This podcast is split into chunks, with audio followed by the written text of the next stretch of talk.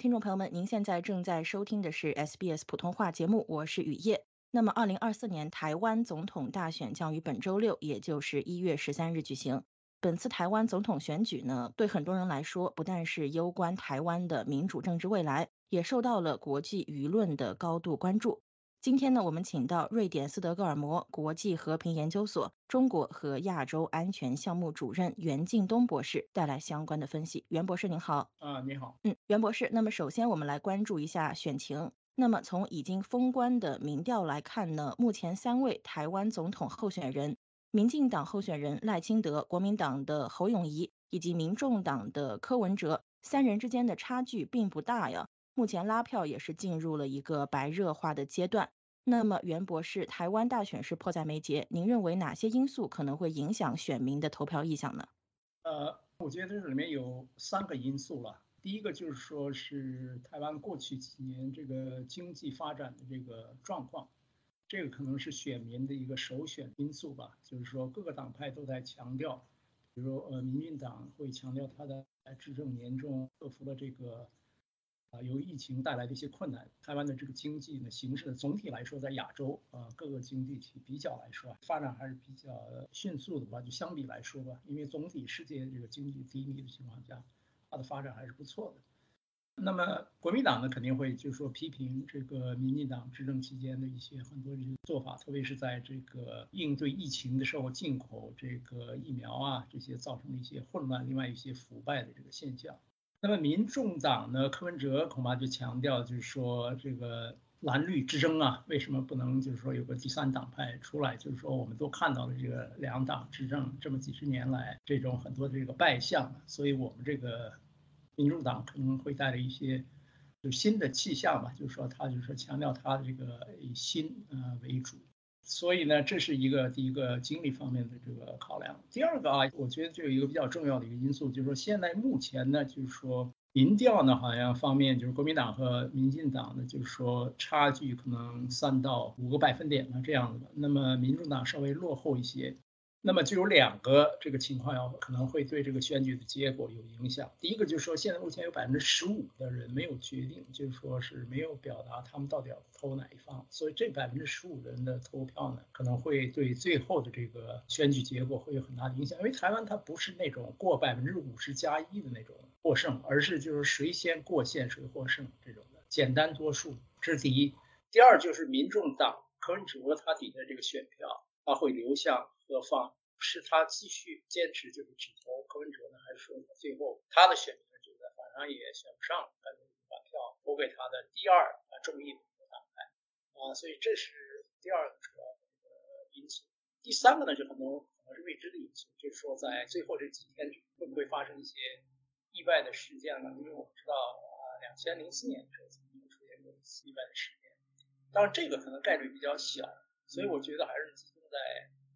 前面两点，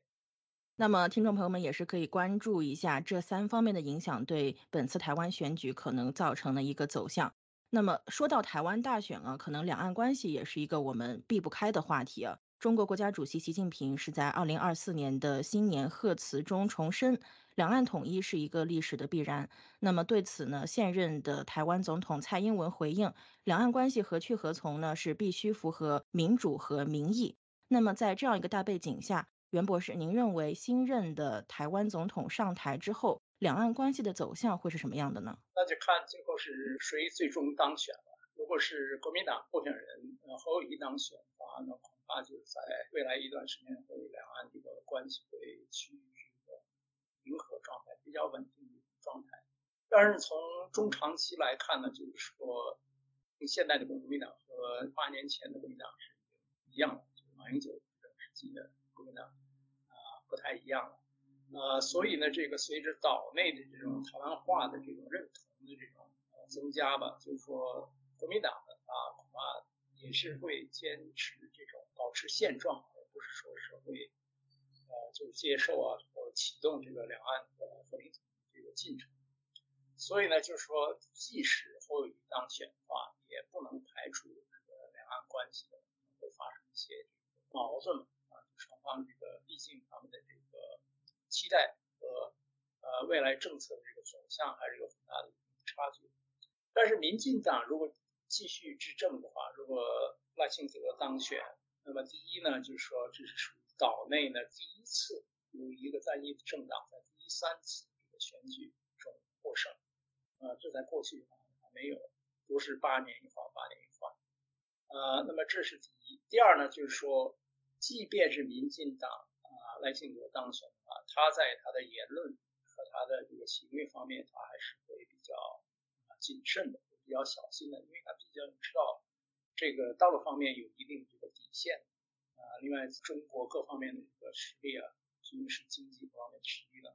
台湾呢，他会要把这些作为一些考量的因素，所以他不会就是说像过去他曾经自己宣称的是一个很务实的呃台独工作者啊。过去八年，因为蔡英文也是非常呃低调、非常谨慎、走钢丝一般的。因为一方面呢，就是说